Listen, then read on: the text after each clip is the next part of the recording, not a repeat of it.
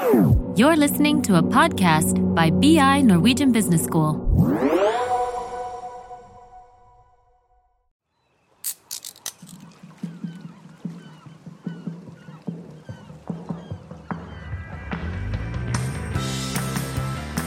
Velkommen til Finans i fjæra. I dagens episode av vår miniserie Bærekraftig finans har vi vært så heldige og fått besøk av David Sagen, direktør for nasjonale eksekutivprogrammer, og som skal fortelle litt om hvordan samarbeidet mellom BI og finansnæringen forekommer.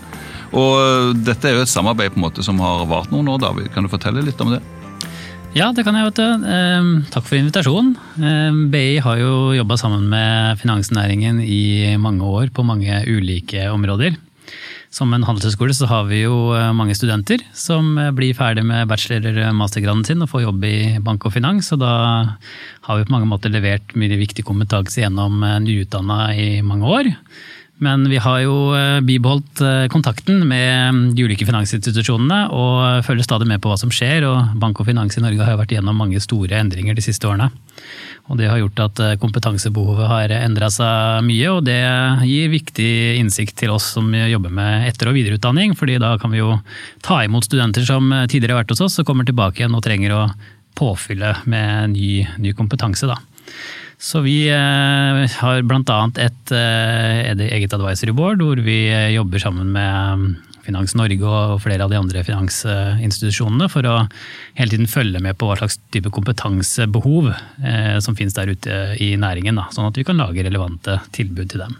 Ja, jeg vil gjerne følge opp litt på det. for det Kompetansebehovsundersøkelsen i næringslivet viser jo at Iallfall det de sier, da, at åtte av ti trenger mer, eller ønsker mer kompetanse innenfor bærekraft. Og det er jo et det er jo litt musikk i våre ører, er ikke det? Jo, absolutt. Det er jo Den undersøkelsen du refererer til der, innføres jo av Finans Norge, som kalles for Kompetansesjekken.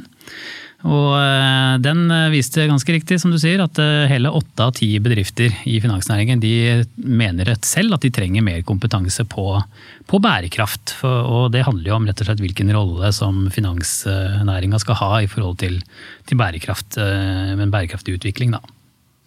Hvorfor er bærekraft viktig i finansnæringen? Ja, altså Hvis man spør næringen selv, da, så ser man at Finans Norge har laget et eget veikart for uh, grønn finans. og Leser man det, så vil man se at der har finansnæringen faktisk definert seg selv som en viktig pådriver. De sitter jo som en slags sånn motor og fasilitator veldig ofte for andre bedrifter og andre næringer. Og det er klart at De kan fylle en pådriverrolle for å få bedrifter der ute til å tenke mer, mer, bærekraft også, i form av både etiske investeringer og grønne lån. og Det er mange virkemidler som de kan bruke i finansnæringen og fra finansiell side for å stimulere til mer bærekraftig forretningsdrift. Da. Så det Veikartet der det handler jo rett og slett om at finansnæringen sjøl må også tilføre seg selv kompetanse på bærekraft for å kunne fylle den type pådriverrolle og motorrolle. da. Kan du nevne et par konkrete eksempler på hvor finansnæringen har spilt en rolle i denne sammenheng? Ja, altså Det har jo f.eks. dette med etiske investeringer. Og dette med å følge med på, på, betingelser i forhold til å kunne gi finansiering til virksomheter. og Kreve type miljøtårnsertifisering eller andre type miljøsertifiseringer. Det er i hvert fall enkle eksempler som allerede er oppe å stå. Og så kommer det jo flere reguleringer nå fra EU og andre steder også som finansnæringen må forvalte og forholde seg til. Mm. På, på, BI så har på en måte Vi er egentlig i gang da, med å ta dette litt på alvor. Da. Og Det er jo et kurs i bærekraftig finans som er på, på trappene og blir utvikla sammen med en del rådgivende grupper.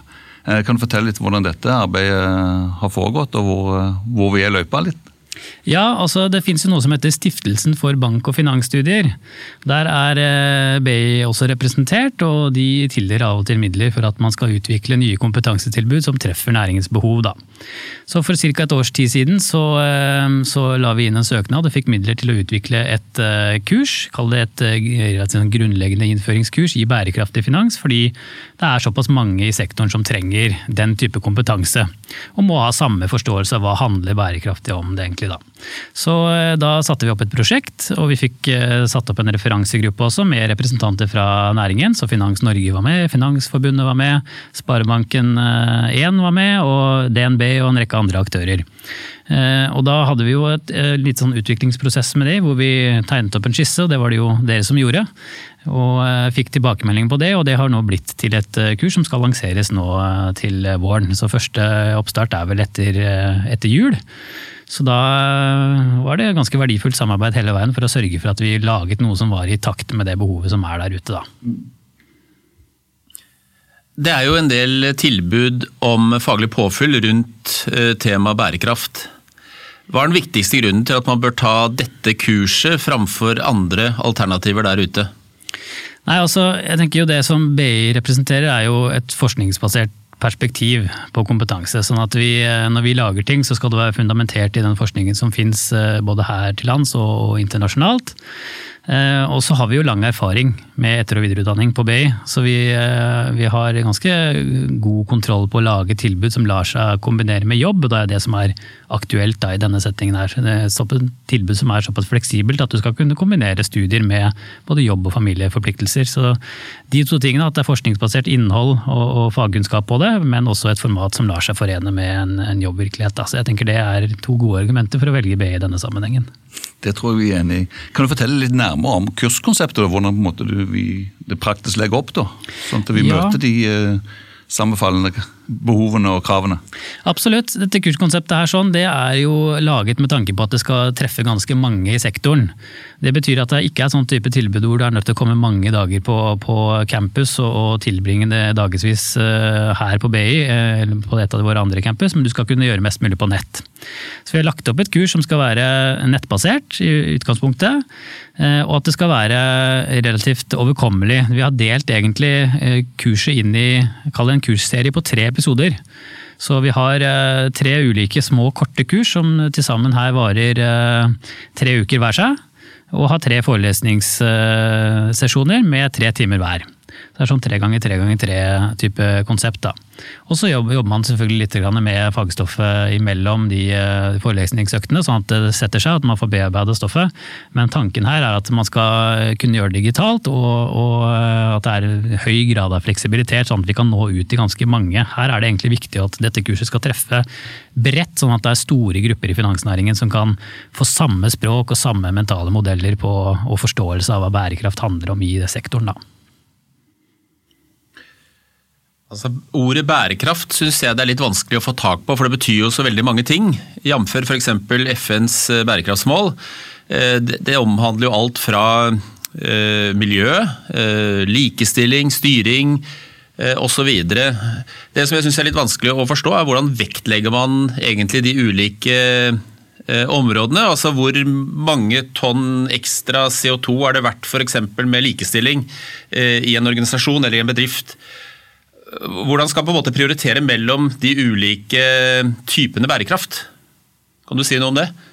Ja, altså, jeg tror ikke jeg kan si så veldig mye om det, men det er jo noe dette, dette kurset skal handle om. Eh, og her vet jeg at dere har gjort en veldig god jobb med å begynne å sette dere veldig godt inn i hva bærekraft betyr når man ser det med finansbrillene på. Så det tenker jeg er et godt spørsmål som kanskje dere kan eh, svare på. Så hva har dere funnet ut da så langt i forhold til bærekraft i finans? Hva betyr dette her? Jeg tror vi, det vil ta litt lengre tid enn det vi kan få tid til i denne ene podkasten. Så eh, for de som syns dette var et veldig relevant og godt spørsmål, så er det bl.a. denne type spørsmål som blir besvart i kurset. Da ønsker jeg bare å si takk for deg, David, men før du får slippe unna her, så vil jeg bare spørre deg et spørsmål. Hva gjorde du for miljøet sist? Ja, det kan du si. Det er eh, et altså ansvar vi må ta alle sammen, selvfølgelig, for å, for å hjelpe til. Så eh, jeg personlig prøver å gjøre alt fra å redusere reising. Jeg har ikke reist på ganske lenge, og jeg gjør i hvert fall de fleste jobbmøtene mine digitalt. Og, og være veldig bevisst når jeg må ut og reise. Eh, og eh, satt eh, egentlig mye prestisje i å, å kildesortere, gjøre de riktige ting. Og når jeg nå kjøpte meg min første bil, så ble det helt naturlig en, elbil. Så det er i hvert fall bærekraft-mindset som jeg prøver å, å, ta med meg i hverdagen. For dette må vi jo ta på alvor, både individer og bedrifter og alle som er en del av samfunnet. Det syns vi var et, en fin handling til etterfølgelse av for andre.